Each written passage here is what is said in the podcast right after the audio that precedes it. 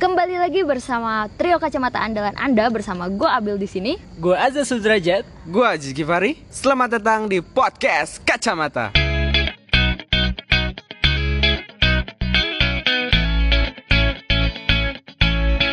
Assalamualaikum warahmatullahi wabarakatuh bersama gue Abil di sini. Eh ini kita seperti biasa kita ketemu emang cuma kayak seminggu sekali, dua minggu sekali gitu ya. Nah karena minggu kemarin kita emang udah nggak ada lagi eh nggak muncul lagi gitu ya sempat vakum satu minggu dan minggu sekarang mau kita perbaiki dengan mencoba untuk mengupload dua episode. Hmm, kali ini gue mau nanya nih ke Ajat dan Ajis gimana nih eh kesan pesan awal tahun 2020 ini? Atau apa sih yang lo alamin di tahun baru atau resolusi baru lo di 2020 ini? Gitu. Gimana dari Ajis dulu Ajis Ah, ya. Nggak kerasa ya kita udah ada di 2020. Eh, 2019 kayak berjalan cepat gitu aja. Alhamdulillah di 2019 ada progres. Ya lebih baik daripada 2018. Eh, gue pikir eh, banyak hal-hal yang dicapai, kemudian banyak hal-hal baru yang dicoba gitu. Jadi ya 2019 cukup berkesan. 2020 eh tentunya pengen lulus ya tahun ini. Biar bisa eh, cepat ngerasain pasca kuliah, Weh, pasca kampus karena iya. katanya eh, kehidupan yang benar-benar itu adalah ada di dunia pasca kampus itu. Kemudian ya pingin ini sih lebih konsisten lagi di podcast kacamata ini. Mantap. Tapi denger-denger Jis kemarin gua ada bocoran ya biasa kan telinga gua banyak ya di mana-mana. Katanya lu ikutan ini eh komunitas jomblo produktif Jat. Kira Itu orang sampai share fotonya loh. Kira Foto dia paling depan paling mampang di acara terus. Oh iya, itu gitu gitu. itu termasuk sekte sesat nggak? Bukan.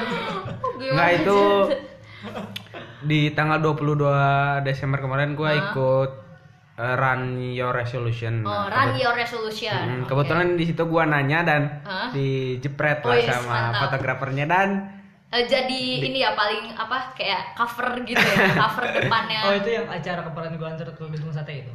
ya ya yang itu. Oh, jadi sama Ajat kemarin di antaranya. Gue antar Enggak. Oh iya, sip. Nah, Oh, kirain itu. lu ikutan juga, lu suka ini Apa? oh, menyembunyikan identitas tidak mengikuti. Ya, Enggak, gimana Jis? Itu komunitas dari siapa Kang Coki Isroki ya? Hmm. Ya yang menghimpun para jomblo-jomblo. Gua tahu tuh anak biar- ya? Hah, Ah. biar lebih produktif lagi Weh. gitu. Banyak tuh yang ikutan. Banyak banyak. Ada banyak. berapa orang waktu lu? Gua datang kemarin karena salah satunya karena ada Iqbal ya. Eh, Iqbal Haryadi. Hmm. Oh, Oke. Dan yang datang sekitar 100 kayaknya lebih lah. Oke. Itu katanya ada ininya dulu ya, ada persyaratannya gitu. Yang mana nih? Iya, yang lu ikutin itu. Jadi Oh, yang buat nanti buat daftar volunteer. dan buat ikut volunteer atau Oh iya, kayaknya ha. Aku kayaknya sih Jis kan, Kan udah ini nan minggu depan ada kumpulan nah Hmm. belum tahu nih apa aja yang harus dipersiapkan gitu. Oke. Kalau lu Jat gimana nih? Gue tidak mendengar kabar apa-apa, jadi gue Oh, iya karena saya emang sibuk kerja ya. Oh Enggak gue denger dia main-main cuy. Hmm. Tapi emang gak ada oleh-olehnya sih, nggak nyampe ke gue. apa ini maksudnya? Dia Lu juga jalan sama ke kali ini. Nggak nyampe. Dia jalan ke Nyampe dia. lu ya? Nyampe. Lu Dia nyampe, yang dia nggak nyampe, nyampe. Oh nggak nyampe. Terus gimana? Itu dari mana sih Jat jalan-jalannya dari kantor ya? Kantor. Gila. Kantornya baik dindas ke sana kemari. Ngapain. Jat? Ngapain ke Dieng tuh? Eh, Main lah ke Diengnya mah main. ke Dieng. Dieng Dieng main. main. Cuma ke Semarang gue sebenarnya. Oh, Oke. Ke Semarang ada apa ya? Inilah apa soan ya, Hmm. silaturahim. Hmm. Main-main ke sana hapunten hapunten Oh, gitu. oke. Ya gitulah pokoknya. Eh Oh, lu jadi Sunda gini, lu kebanyakan main di Jawa. iya, gue pernah diketawain ya gara-gara Gara-gara Sunda lu kasar. Enggak juga sih Apa? kaku ya oh kaku cuma nggak apa-apa lah kata gue belajar Nah, kalau di Semarang itu gak sih enak kan jalannya jadi kayak cuma set gitu dong tuh jadi nggak nggak ribet gitu nggak banyak Setek gimana? Tuh gini jadi kayak dari ujung ke ujung tuh kayak cuma satu jalan doang gitu nggak banyak maksudnya nggak nggak merhatiin sih gue cuma Oh. emang lebih sepi dari Bandung Hmm. iyalah enak enak jalannya sih. tapi tidak lebih adem dari Bandung Iyalah orang di Iyalah, Pak. utara itu mah. panas Di- eh anyway Jat gimana jadinya resolusi 2020 lu eh, apa kesan di 2019 dan lain sebagainya? Kita nggak kerasa udah sebulan ya di tahun 2020 hampir. Hampir belum Hampir, iya baru juga hampir. tanggal hampir Tanggal hampir. Delapan tanggal 18 sekarang. sekarang. 18 Januari alhamdulillah di apa udah hampir udah hampir sebulan di Hmm. masuk ke 2020 2019 kita lewatin terus terus selesai gue itu ter- menjadi tahun yang penuh perjuangan ya. Karena perjuangan life crisis. Oh, quarter life crisis. Iya. Oh, Eh, nggak juga sih sebenarnya. Eh, itu apa? Sesi satu kali ya. Hmm. sebenarnya nggak juga sih cuma gimana ya gue jelasinnya agak ribet ya. Karena 2019 itu banyak banyak apa? Banyak ketentangan yang harus gue laluin. Hmm. harus lulus kuliah lah sidang lah di sana lah semuanya penelitian lah segalanya tapi lu termasuk hal. yang cepet gak sih? Tiga tahun setengah gak sih lu? Enggak Empat. 3,8 oh tiga koma delapan oke oke itu punten lah enggak sih Iya. tenang lulus cepet tuh bukan segala ya tenang aja Jis Iya, santai santai. Bukan Santai. segala. terus terus gimana Jat abis itu Eh, dan 2019 menjadi apa ya ajang buat gue mencari Bakat. bukan bro lu kata ini bukan mencari sih ya Eh, kalau ibarat kaca itu gue ngelap lagi tujuan gue apa oh, gitu. oke. Berarti Datang. jadi Reorientasi. dibalik gitu enggak reorientasi. Reorientasi. reorientasi gitu. Bener gak sih tujuan hidup gue apa Oh, gitu? kan setelah ini harus ngapain? Setelah ini harus ngapain? Oke. Dan jawabannya di akhir 2019 oke. Sampai 2020 sekarang gue menjalani hidup yang jadi Aduh. budak korporat oh enggak, enggak, enggak. dia bukan budak korporat guys. Enggak. Enggak dong. Terus? ini bukan korporat bro. Oh iya siap siap siap Lu istana. temen gue bilangnya apa coba? Apa? Budak istana. Aduh aduh aduh. Jadi 2020 itu 2019 ya. Jadi gue juga bersyukur banget gitu ya. Hmm. dan terima kasih buat teman-teman sudah mensupport gue di, tahun di tahun 2019 entah itu dari organisasi entah itu dari di kuliah entah itu terutama keluarga ya. Oke. Karena penuh rintangan di 2019 itu. Dan gue pernah bilang di satu momen di 2019 itu saking eh, tingginya rintangan yang harus gue lalui itu gue selalu bilang ini momen gak akan gue lupain. Di oh. 2019 itu ya. Gue tiap tahun kayak gitu. Kayak Terus, terus. setiap tahun ada yang begitu kali iya ya. sih benar. Tapi maksudnya agak spesial gitu 2019 Oh. tuh apa tuh? Ya tadi karena karena Oh. udah perjuangannya individu gitu. Oh, oke. Kan misalnya gue kira sebaliknya Ah. di 2018 itu kebanyakan rintangan gue tuh gue a team gitu. Oh. Gue make a team dan dengan tim itu gue harus lewat rintangan. Oke. sedangkan di 2019 gue jadi single factor Oke. sedangkan kalau Single misalkan fighter cheese Ya, bisa bilang gitu kan. Iya iya iya benar benar sih. Karena pada ujung-ujung kita harus jadi, bisa jadi single factor Ah. juga gitu maksud gue dan lu kayak karena gue tipe kepribadian yang nggak bisa sendiri ya. Bukan nggak Hmm. bisa sendiri tapi lebih nyaman akan dengan kelompok iya. gitu ya. Itu ah, tantangan banget tantangan buat banget buat gue dan di tahun 2020 ini gue dapat tim lagi buat buat apa? Buat- menghadapi rintangan-rintangan di, di tahun Mantap. 2020 Kalau lu 2019 gimana, Bia? kayak akhirnya gue ditanya juga. Jadi dari kemarin gue eh, sebelumnya harus ceritain 2019 dulu apa Iyalah, boleh 2019. 2020 langsung 2019 Oh, dulu. 2019 dulu. Kalau 2019 menurut gue jadi waktu pengimplementasian dari apa yang gue pelajarin di 2018 sih. Hmm. Jadi seneng sih gue di 2019 ini seneng banget. Banyak hal yang baru gue pelajarin, banyak hal yang menuntut gue untuk lebih outstanding, banyak hal yang menuntut gue untuk lebih slow menghadapi masalah-masalah sehingga eh, nggak riweh gitu lah gimana sih? Hmm. ya gitu sih tapi intinya banyak hal baru yang itu jadi tantangan-tantangan yang gak pernah gue sangka akan gue hadapi gitu. Ngerti gak sih? Jadi akhirnya di, di awal tahun 2020 ini gue mendapatkan kesimpulan bahwa ternyata tanggung jawab yang selama ini gue kira besar itu ternyata jauh lebih besar dibanding yang terlihat gitu. Hmm. itu sih yang baru bener-bener gue sadarin bahwa kok gue ngerasanya kayak gini? Nggak ada nggak ada tim. Kadang gue ngerasa gitu. Apakah gue salah membangun tim atau apakah gue eh, salah mengawali gerakan ini atau kayak gimana? Ya intinya akhirnya gue sadari bahwa nggak ada waktu buat gue leha-leha gitu. Karena tanggung jawab gue jauh lebih besar dari itu.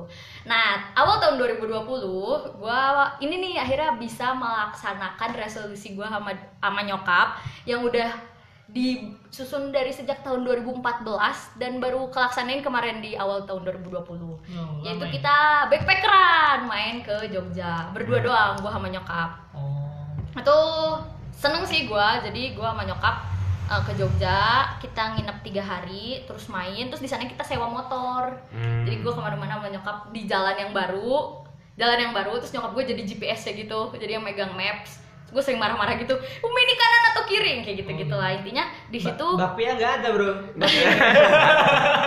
Parah nih. terlalu lama sih kalian. Ya intinya sih di situ gue jadi quality time lah sama nyokap Hmm. gue gitu. Jadi sehingga pas bisa biasa nih gue seminggu gak nelpon nyokap kadang selalu aja gitu. Tapi abis gue main tiga hari itu dan menghabiskan waktu banyak sama nyokap gue gue rasanya kayak tiap hari pengen gitu loh ngehubungin gue hari ini gini, gini aja gini kayak gitu gitu lah intinya gue ngerasa jadi ada kedekatan emosional yang lebih sama nyokap gitu di waktu yang alhamdulillah masih punya gitu kan kita nggak nggak tahu gitu besok gue mati duluan apa gimana Hmm. Hmm. gitu deh Kayaknya seneng ya lihat Nabila ngebangun apa chemistry, ngebangun kasih cinta dengan Emaknya. emaknya. Nah, ngomong-ngomong tentang cinta nih. Weh, Kali ini kita mau bahas apa nih, Bil? Eh, ini nih lima bahasa cinta Weh. ya Caelah. Baper amat.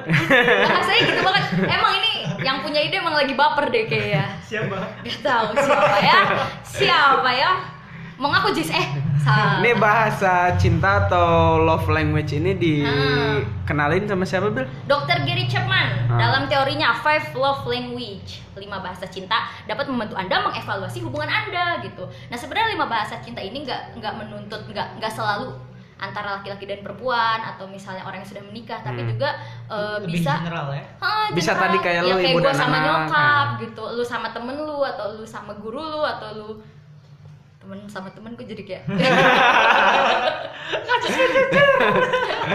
eh Aduh. ya kayak gitulah Hmm. intinya jadi bisa buat banyak eh, hal nah ini yang pertama itu adalah kepo nggak lima bahasanya apa aja nih Yang pertama apa dulu nih? words of affirmation apaan tuh apaan tuh Jis? Itu kayak Bahasa bilang afirmasi. Ya, kayak misalkan kita bilang eh, kalau hubungan apa ya suami istri misalkan I love you gitu. tapi itu kadang ada aja kan cowok-cowok kan tipenya lebih kayak Nah. yang nggak ngomong gitu Hmm. dia tuh kayak banyak ya nggak semua sih tapi banyak orang yang banyak cowok terutama cowok sih. Jadi dia tuh nggak mengekspresikan gitu hari dia atau apakah dia senang gitu Hmm. atau atau apakah dia cinta sama pasangan atau enggak nah itu yang mungkin eh, banyak kenapa sih lima bahasa cinta ini disebutkan? Karena emang Hmm. terjadi banyak miskomunikasi dari situ gitu. Tidak mengungkapkan. Hmm, Nah, Kalau yang pertama ini kan tadi tentang words of affirmation ternyata. Kalau menurut Dr. Chapman ini memang Hmm. ternyata cinta itu memang harus Ungkapkan. Kenapa? Karena orang lain nggak tahu perasaan Kalau- I see, iya bener Tapi nggak melulu harus I love you kan. Misalkan Iya, teman ke teman, eh kamu cantik banget sih hari ini. Hmm, nah itu kan gitu, itu cewek-cewek kadang-kadang kayak gitu. tapi itu gombal sih Enggak lebih kayak ke penghargaan aja juga bisa bisa Ah. kita penghargaan kita terhadap dosen pembimbing kita yang sangat baik gitu kan Hmm. Jadi kayak, atau kayak lebih mengkonfirmasi eh, kalau misalkan katanya cinta itu nggak harus diungkapkan. Nah. Dia- Kalau Dr. Chapman tuh bilang dia nggak setuju Iya. dengan, dengan dengan menggunakan lima bahasa cinta ini. Yang pertama itu adalah words of affirmation. Beliau tuh bilang bahwa penting untuk selalu mengatakan pada mereka bahwa kita peduli dan menyayangi mereka. hmm, Hmm. Pendekatan seperti dia harus tahu kalau aku sayang sama dia Hmm. jadi aku tidak perlu membicarakan hal ini itu nggak akan berguna bro Hmm. kita nggak nggak perlu bikin asumsi ya Kayaknya dia suka deh sama gue. ah, gitu. atau dia juga tahu pasti gue sayang sama dia Ah. nah ini Nah. nah ini yang apa yang kalau kata dokter siapa tuh itu nggak berguna iya bener karena mungkin terjadi miskomunikasi di situ Nah. jadi banyak yang ceweknya terlalu banyak menerka-nerka sebenarnya dia gimana perasaan dan lain sebagainya atau mungkin yang cowoknya juga ngerasa kayak ada nggak perlu gitu buat ngomongin Hmm. itu nah mungkin bisa juga kayak menyatakan kayak ih Jis kaos lu bagus ya eh jaket lu bagus ya Jack Nah, gitu itu nah itu kayak bisa. "Oh, eh Ah. Hmm. keren deh gaya rambutnya sekarang gitu atau enggak apa gitu eh kacamata lu baru nah hal-hal kayak gitu sih bisa men- yang bisa memperlihatkan eh, perhatian kita atau misal eh, ya gue tuh peduli sama lu gitu Hmm. kan ya udah diem aja bodo Nah, amat gitu betul kan. banget tapi memang yang perlu digarisbawahi nggak perlu jadi Romeo gitu kita Nah, Nah, bener yang banget. selalu bergombal-gombal Nah, cantik banget banget. aku kan deh sama kamu banget, bucin banget bukan gitu maksudnya ya maksudnya itu memang kita hanya cukup mengonfirmasi kalau eh, I love you gitu, Hmm. misalkan ya kalau misalkan eh cukup begitu aja atau atau kayak bahasa si Nabil tadi bilang ya eh, apa namanya kaos lo bagus deh Hmm. cukup, cukup begitu atau kok kamu gantengan sih hari ini Itu Aduh, mah sih sarkas kan? eh lu tuh gak ngerasa lu gak ngerasa ganteng ya Jus lanjut nomor dua. Enggak, enggak. Terus mungkin bisa juga intinya kayak word of affirmation ini jadi kayak misalnya kita habis main nih seharian ya atau Hmm. misalnya kita bikin podcast hari ini terus kita ngomong tuh di grup eh thanks ya for today semoga Hmm. kayak gitu tuh intinya kayak mengapresiasi apa yang sudah dilakukan hari ini gitu. Eh makasih banget ya buat hari ini. Terima kasih buat kerja kerasnya. Kayak gitu-gitu juga termasuk dari word of affirmation. Kan kita punya betul termasuk kayak ke orang tua ya misalkan mah terima kasih ya kiriman uangnya. ya begitu Enggak, udah udah udah nggak pernah dikirim duit ya hebat emang kalian. Nomor dua apa nih ada apa Nomor nih? dua. Nomor dua ada quality time. Nah ini yang tadi gue sebutin. Gimana Hmm. nih? Kalian kayaknya jago banget di quality time, quality time. Kan Main mulu kan kerjanya? Wih, Kalau gua bukan termasuk orang quality time sih. Oh. Kadang-kadang orang-orang quality time itu pengen ketika misalkan eh, bersama-sama itu nggak ada distraksi di antara mereka gitu, nggak ada sesuatu yang mengganggu. Nya pengennya bareng misalkan eh, seorang ayah dan anak gitu, pengennya ma- main bareng gitu, nggak ada si anak itu main HP atau sebagainya. Nah itu salah satu contoh orang yang quality time gitu. Kayak lu misalkan tadi, gue pengennya main sama mah nggak ada siapa pun yang mengganggu. Nah iya. Nah itu salah satu contoh quality time menurut gua kayak gitu. tapi memang quality time ini salah satu faktor yang apa bahasa cinta yang paling mudah dimengerti memang. Hmm. Tapi di satu sisi dia bahasa cinta yang paling mudah untuk tidak dimengerti. Artinya banget salah diartikan. Jadi miskomnya memang Hmm. memang salah apa tinggi juga. Kenapa tuh? Gampang diartikan sebagai yang oke lah oh ternyata lu butuh Hmm. butuh gua. Ah. Tapi di satu sisi juga paling mudah untuk uh, disalahartikan. Kayak misalkan bisa jadi kan uh, si si pasangan ya bahasa Hmm. pasangan biar kita gampang ya orang yang kita cintai itu kita bilang oh iya quality time itu uh, artinya jadi multitafsir apa memang protektif kah Hmm. atau apa kan gitu kan Oh, Ngerti ya? Ngerti ya ya? ngerti Nah. ngerti. Cuman kalau yang gua pahami sih quality time ini bukan quantity ya nggak sih? Hmm. Nggak perlu sebenarnya lama-lama gitu. Kadang kan ada orang yang kayak gue mau quality time sebulan, ah itu kelamaan kalau menurut gua quality Hmm. time sebulan. Sebentar juga nggak apa-apa, tapi itu memberikan dampak gitu selama bahkan lima menit pun bisa jadi quality time yang bagus gitu. Itu sih penting buat menghabiskan waktu eh, berdua, terus juga eh, apa namanya? Misalnya nih kalau udah punya pasangan kali ya pulang kerja ada waktu lima menit ngobrol dulu atau mungkin ada quality time-nya Hmm. hmm, setiap hari adalah ada yang harus dikomunikasikan ada yang harus diobrolkan kalau misalnya menjalani kehidupan ya udah kayak sendiri-sendiri pulang ke rumah beraktivitas lagi berarti terus nggak ada apa-apa gitu nah itu mungkin bisa menambah kadar kesenjangan gitu makanya quality time ini jadi penting tapi bro Hmm? uh, yang perlu kita apa garis bawahi itu quality time ini bukan hanya cukup menghabiskan waktu bersama Hmm. tapi juga lebih ke uh, perhatian kita tercurah atau tidak kepada Oh, I si see. uh, apa Mhm. Iya. Jangan-jangan ketika kita berdua pikiran kita ada di ada di mana? mana kita ajak ngobrol nggak ngerti ya kayak kita sekarang kita kan berdua-berdua main HP Iya. whatsappan Makan dia makan bareng tapi sibuk main HP. Sih? Iya, Nah, giliran di luar whatsappan cetak giliran ketemu cetak sama orang lain Buat Giliran giliran jauh aduh kangen nih. giliran ketemu cetak sama orang lain. Aduh. ya gitu. Jadi eh, kalau gua rasa sih lebih tepatnya sebenarnya bukan quality time ya. Tapi apa? kita keren aja tapi quality attention. Oh, Iya, iya. jadi karena eh, yang di titik-titik eh, pusatnya itu sebenarnya Hmm. bukan di time ya tapi di attention. Hmm. Kalau menurut gua gitu ya? Ah, Iya sih, berarti memberikan attention kita sepenuhnya kepada pasangan atau Betul. orang yang emang lagi quality time sama kita Hmm. dia kan bisa jadi itu juga bisa bukan soal ketemu ya misalkan di Hmm. WhatsApp juga gimana Hmm. kan kue, kue- apa quality attention jadi kayak lebih ke kayak affirmation tadi Hmm. aja sama aja gitu menurut gue eh hampir tapi sama jujur banget ya kemarin waktu gua sama nyokap lagi tiga hari ke sana itu nyokap gua masih banyak kerjaannya kan karena nyokap gua kepala sekolah terus kan itu baru masuk eh, sekolah jadi Hmm. masih banyak oh, apa gitu yang minta-minta eh, inilah tanda tangan dan lain sebagainya dan gua pun di situ banyak yang mau wawancara sidang makalah dan lain sebagainya sertifikasi gitu jadi oh lu dosen Iya bisa jadi doanya aja. Nah intinya banyak yang eh, menghubungi. Jadi ada kadang waktu kita emang sama-sama gitu 50 menit di gini aja Hmm. gini gini. Terus pas udah di udah ya udah kita jangan pegang HP gitu. Terus baru ngobrol lagi kayak gitu sih. Bener sih jadi quality attention benar. Oke lanjut ke nomor tiga kali ya. Apa Jis?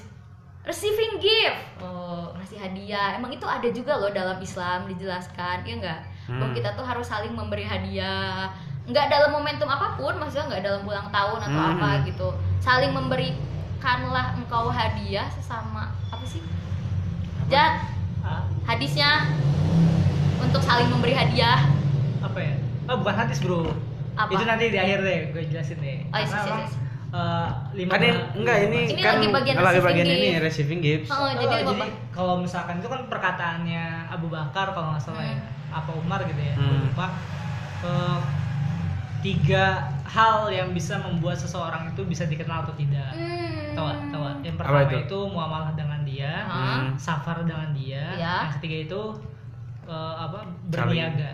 Nah, dan berniaga ini salah satu faktornya kita bisa dengan kasih hadiah. Iya tah, tunggu ya, bentar ya, bentar bentar. Sok Jess, gimana Jess? Dari lu? Ya ini sih kadang-kadang ada misalkan kalau konteksnya suami istri ada yang istri seneng dikasih mobil mewah, ya. pasti seneng gitu. Baterai, baterai. Nggak misalkan ada eh, suami yang eh, atau ya suami dikasih makanan enak sama istri atau kebalikannya gitu sih kalau yang eh, sesimpel itu gitu saling memberi. betul betul tapi memang uh, gift yang yang dikasih di sini memang nggak perlu emas dan nggak perlu berlian atau mobil mewah dan sebagainya Hmm. cukup dengan hadiah-hadiah kecil Ya. gitu ya misalkan hadiah kecil ya misalkan ya emas 24 karat Eh, tunggu tapi gue tadi mau ini eh, Jat. Jadi emang bener ada hadisnya. Hadisnya itu tahadu tahabu. Hendaklah kalian saling memberi hadiah nih saya kalian akan saling mencintai. Hmm. Nah, itu tuh emang udah ada gitu ternyata buat apa namanya?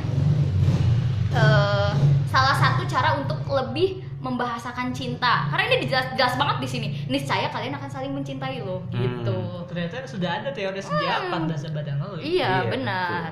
Keren banget emang. Nah, lanjut ya. Tapi kalau lu sendiri lu suka ngasih hadiah nggak? Enggak sih. Lu Bukan tipe gue itu. iya berarti lu emang tidak melaksanakan lima. Dari tadi dia quality time itu bukan tipe gua. gua Oke. jadi sebenarnya yang mana aja Jadi Nanti gimana? Kita, kita di akhir Oh. sebutin kita lebih condong yang mana Oke, gitu. oke. Nah, jadi walaupun itu hanya sebuah selipan buku, it will make your day. Misal kayak eh cuma apa sih kayak notes doang gitu. Hmm. Notes doang kayak atau nggak kita kasih coklat gocengan kayak kayak kasih notesnya gitu. Itu juga sebenarnya eh, memberikan dampak yang besar Hmm. loh. Orang seneng loh. Bukan apa tapi dari siapa. Iya sih. Gitu. paling penting gitu ya Nah. Iya sih. Karena attention, affirmation aja udah udah kebentuk gitu. Hmm. Kalau misalkan affirmation dan attention quality time sudah kebentuk, give-nya juga oke-oke aja gitu. Benar-benar. Tapi memang kan lima bahasa ini kayak karakter kepribadian manusia ya. Hmm. Jadi memang ada yang Ada yang bisa, condong, ada condong, yang- ada yang ah. enggak gitu kan. Si A misalkan si Ajis apa gitu kan. Hmm. Ternyata dia nggak bisa yang nomor satu atau yang nomor dua. Benar-benar. Yang keempat ada ini nih. Acts of service. Apa tuh? Act of service ya. Ha-ha. Gimana tuh Bill? bahasa mudahnya dilayani. Jadi Anda adalah tipe yang merasa sangat dicintai jika pasangan Anda membukakan pintu, membawakan Hmm. tas. Itu tuh sebenarnya manner tau gak sih buat cowok? Cowok tuh jangan suka yang kayak jalan duluan terus ntar cewek misal mau masuk gebrek gitu sih pintunya. Jadi itu harus bukain pintu. Itu termasuk dari manner. itu mah lu aja. cuy, cuy nggak coba deh lu baca deh manner tapi ya maksudnya kita lihat-lihat juga eh, apa namanya siapa yang ini. Hmm. kalau misalnya gue sih gue nggak butuh digituin. Tapi kan kadang misalnya emak-emak atau misalnya ibu-ibu yang lagi hamil atau kayak gimana nah itu kita harus punya manner. Atau misalnya kayak di busway kan ada tempat duduk khusus ibu Ah, I hamil. see, I see. nah itu juga harus jadi ini. Tapi eh, pernah denger gak sih Raditya Dika tuh gue kan pernah nonton vlognya ya. Dia bilang di situ waktu sebelum dia nikah ya dia bilang ih gue mah najis banget bawain tas eh, pasangan gue Ah, iya, Eh, iya. terus kayak eh gue Ah, tuh paling jijik ya lihat cowok bawain tas Ah. eh, buat ceweknya bla bla bla eh abis dia nikah dan punya anak dia bawa tas baby di kanan bawa troli di kiri jadi hal-hal kayak gitu sih yang mungkin eh, juga bisa menambah eh, kecintaan antar pasangan gitu Jadi kayak membantu melayani dia ya. Hmm. Eh, jadi intinya Anda akan senang bila melihat pasangan Anda mengeluarkan usaha untuk membahagiakan Anda. Oh, itu sih intinya. Gitu, guys. Tapi tuh kayak si bapak ini cowok loh padahal dokternya ya. Iya nggak sih? Dr. Chapman. Ah, Hmm. tapi ini kayak semua hal yang dilakukan eh dalam lima bahasa cinta ini adalah kelakuan-kelakuan yang disukai oleh perempuan. Ya mungkin dia iya. Ah, mungkin dia juga dari riset kali ya, benar. Terakhirnya apa nih? Jadi kalau ex of surface lo juga bukan bukan tipe lo juga. Enggak sih, menurut gua itu juga bagian dari pendewasaan kita Hmm. kali. Mungkin sekarang kita nggak ngerasain harus kayak gitu, tapi nanti ketika eh, kalian semua sudah menikah dan memiliki anak ya mau nggak mau Hmm. lo harus kayak gini gitu. Terus yang terakhir, Physical, Physical touch. touch. eh, Kenapa play kapal? paling apa nih Ajis dari tadi lihat ini di sini contekannya. Ah. Nah, Sentuhan fisik berarti ya? ah, sentuhan fisik. Jadi ya jangan jalan tuh kayak sendiri-sendiri ya. Hmm. gitulah tapi kalau sama pasangan sama temen aja tuh gak tau sih tapi gue nemuin beberapa temen ini temen cewek ya Hmm. yang kayak risih gitu loh kalau dipegang-pegang Maksudnya, Hmm. misalnya kayak gue rangkul atau misalnya gue kan orangnya kalau misalnya jalan sama temen cewek tuh kayak harus aja gitu di, Hmm. dipegang Oh, gitu dia physical touch ya. enggak enggak kayak jauh gitu kan ya lu jauh banget ngapain gitu tau nggak? ya gitu gue pernah sampai dimarahin loh sama satu orang Hmm. gara-gara gue ngeliat dia kayak pusing capek abis ngerjain skripsi gue pijitin dari belakang dengan sangat niat gitu maksud gue ayo teh semangat orangnya marah dong langsung pung kayak gitu terus habis itu gue kayak lu nggak usah pegang-pegang gitu gue yang kaget gitu Hmm. Nah, ternyata emang ada tipe-tipe orang yang mungkin tidak suka uh, cycle touch gitu atau mungkin dia lagi kaget aja gitu gitu sih contoh paling mudah menentukan apakah anda berbahasa cinta kategori cycle touch adalah ketika anda menghibur Tapi emang eh, pada intinya karena manusia itu sebagai makhluk sosial, Hmm? kita ini sebenarnya butuh Iya betul. Hmm. Sentuhan fisik. Hmm. Mungkin karena misalkan tadi kasusnya si Nabil karena cewek gitu, cewek-cewek bisa jadi begitu kan. tapi gue lihat sekarang udah sering kok cowok juga Ya ki- kita nggak mungkin lah. eh tapi enggak gue lihat sekarang banyak kok cowok yang cycle touch sama cowoknya juga Ya, physical touch. Be- bentuknya mungkin berbeda. Iya. Tapi gitu. kalau misalnya di Arab kan kalau misalnya salamannya dia cium Cium pipi pipi. Oh, Iya begitu. cium Jadi, pipi. jadi emang berbeda-beda gitu kan. Prancis juga Physical gitu touch-nya antar lelaki, antar cewek dan antar benar-benar Perempuan. budayanya juga berbeda Hmm. Budaya oke berbeda. Kalau pasangan misalkan gelondotan di suaminya, misalkan si istrinya kayak gitu-gitu. Gelendotan tuh apa? Gitu Ya, ya gitulah. Pengen dimanja-manja sama suaminya mungkin kayak gitu. Kayak kucing minta makan. Nggak juga sih Iya, iya. kalau yang gue lihat enggak juga kadang cowoknya juga ada yang suka gelendotan gitu Ah. harus ceweknya dari hasil yang lima tadi Jis, nah kalau menurut lu, lu tuh tipe yang mana sih? Denger-denger lu udah ikutan kuisnya nih katanya. Hmm. Ah, Eh, jadi kalau kita mau tahu kita ada tipe yang mana atau con- condong yang mana, hmm. kita bisa nanya ke teman Hmm. Teman dekat kita. Tapi ternyata gak ada nggak punya temen deket. Hmm, nah kalau kita nggak punya teman dekat, Udah ikutan kuis aja gitu. ikut kuis, cari aja di five-nya pakai 5 ya. Eh, five love language gitu. Nanti Ya. di sana kayak ada survei gitu, kita isi hmm, kita kecenderungannya yang mana nih. Nah, kalau menurut survei tadi, gua cenderungnya itu yang physical touch. Gitu. Kenapa physical touch? Karena tadi kayak kata Nabila ya, gue itu kadang-kadang suka eh, senang aja gitu ngemejitin temen Oh, gua gua. kan lu tadi bilang kayak gitu Iya, iya. Hmm. gua gua juga kadang seneng kayak gitu mijitin temen gitu Tiba- tiba-tiba mijitin temen kemudian gemes ke orang gitu nah gitu kemudian kadang-kadang kalau misalkan di elus eh, punggungnya tuh ada sesuatu yang eh, kayak energi gitu dari seseorang itu Oh, bar. Lanjut. eh apa lagi ya? Terus yang nomor dua itu act of service. Nah, mungkin gua tipenya pengen dilayani. Iya, eh kalau eco service tuh bukan lo yang pengen dilayani lo Iya, enggak Oh, eh, ini tuh bi- Iya, bener, bener. bisa Ah, bisa jadi dua. bisa. Iya, iya, kita senang melayani atau kita senang dilayani kayak gitu. Tapi nah kita juga ini ya eh, pentingnya kita mengetahui love language orang itu Mm-hmm. agar kita tahu bagaimana kita treatment ke orang, orang itu. itu, Hmm, benar, nah, kayak temen lu tadi eh, Gak yang di- suka di- eh, gak nggak suka dipijitin gitu nah, ya gitu. Iya, bener-bener Gitu sih. oke kalau lu Jat gimana Jat lu udah ikutan quiz juga belum Belum sih oh belum Apa sih ada WP gitu nggak sih? Iya ada ada. WP apa? Eh itu tadi lo eh five love language. Oh itu aja ya. terus Nah, teman-teman harus nyoba deh kayaknya. Hmm. Nah, kalau gue sih walaupun belum walaupun belum ikut tes, kayak gue harus nerka-nerka itu pertama itu apa affirmation Oh, word. word of affirmation. affirmation sama gue jatuh habis itu Jadi kayak gue tuh kadang Itu nomor satu. Iya, karena kadang- karena eh, sebagai jadi intinya si Aja tuh demen dipuji Iya, coy temen dipuji. enggak, tapi enggak kayak kayak lebih ke konfirmasi gitu. Iya. Eh, orang nyaman gak sih sama gue gitu? Oh, iya, iya. Karena kan gue tipe kepribadiannya itu eh, kayak nyambung deh sama tipe kepribadian kita. Ah. Karena kan gue itu kan STJ kalau enggak NTJ. oh, oh, bener-bener Ya bener kan jadi kayak di tipe kepribadian itu tuh gue tuh ngerasa kalau apa yang gue lakuin tuh sebenarnya kan eh, nah gini gini kelemahan dari STJ sama NTJ itu dia itu kelemahannya itu nggak punya empati Iya nggak Iya. gue lemah banget di empati Iya, gue nggak punya perasaan karena soalnya lu nggak ada feeling feeling ya Iya, dua-duanya nggak ya ada bener. nggak ada banget karena eh, apa ya ya kita bekerja efisien efektif dan kita kadang-kadang mengabaikan perasaan orang lain Hmm. Eh, kalau misalkan bicara soal love ini makanya gue butuh Hmm. uh, feedback dari orang sebenarnya lu comfort gak sama gue Hmm. kayak iya kan kayak menyenangkan karena gue lemah di situnya oh iya iya iya satu yang kedua apa ya Eh, mungkin physical Physical touch. touch Heeh. dia kayak ya ya kayak butuh aja gitu Hmm, hmm.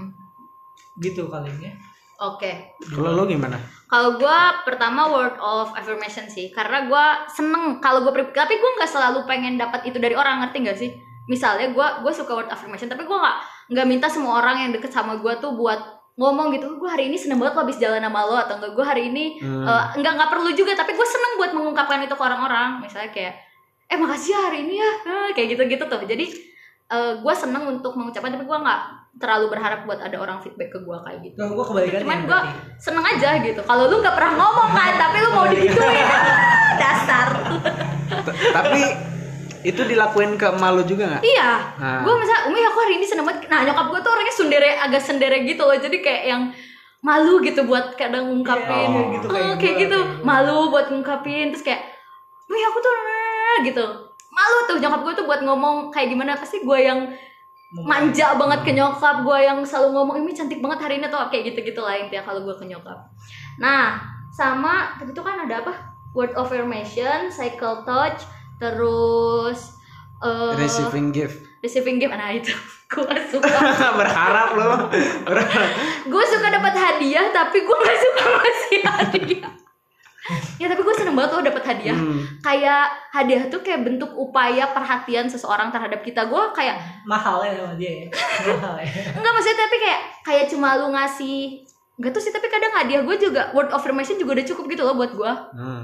gitu misal kayak Tapi kalau ada bentuk fisiknya notes. lebih wah Iya, kalau jadi pejabat lu dapat ini kan gratifikasi banyak. ya astagfirullahaladzim dong. Ya nggak boleh. Ada Gak boleh gak boleh dapat gratifikasi Oh, kalau iya. pejabat. nggak boleh nggak boleh. Ada ABS ABS eh. Iya, Bes. ATS lah asal ATS iya gitu sih. Terus gue juga ini sih kalau gue cycle touch juga tapi ke orang. Aku gue nggak terlalu mengharapkan orang buat kadang gue juga geli sendiri gitu kalau orang terlalu baik atau gimana gimana ke gue tapi gue seneng buat gue lebih seneng ini sih lebih seneng ngasih gitu loh. Ngasih, Kayak, tapi eh, nerima mah. nerima gue nerima dia aja.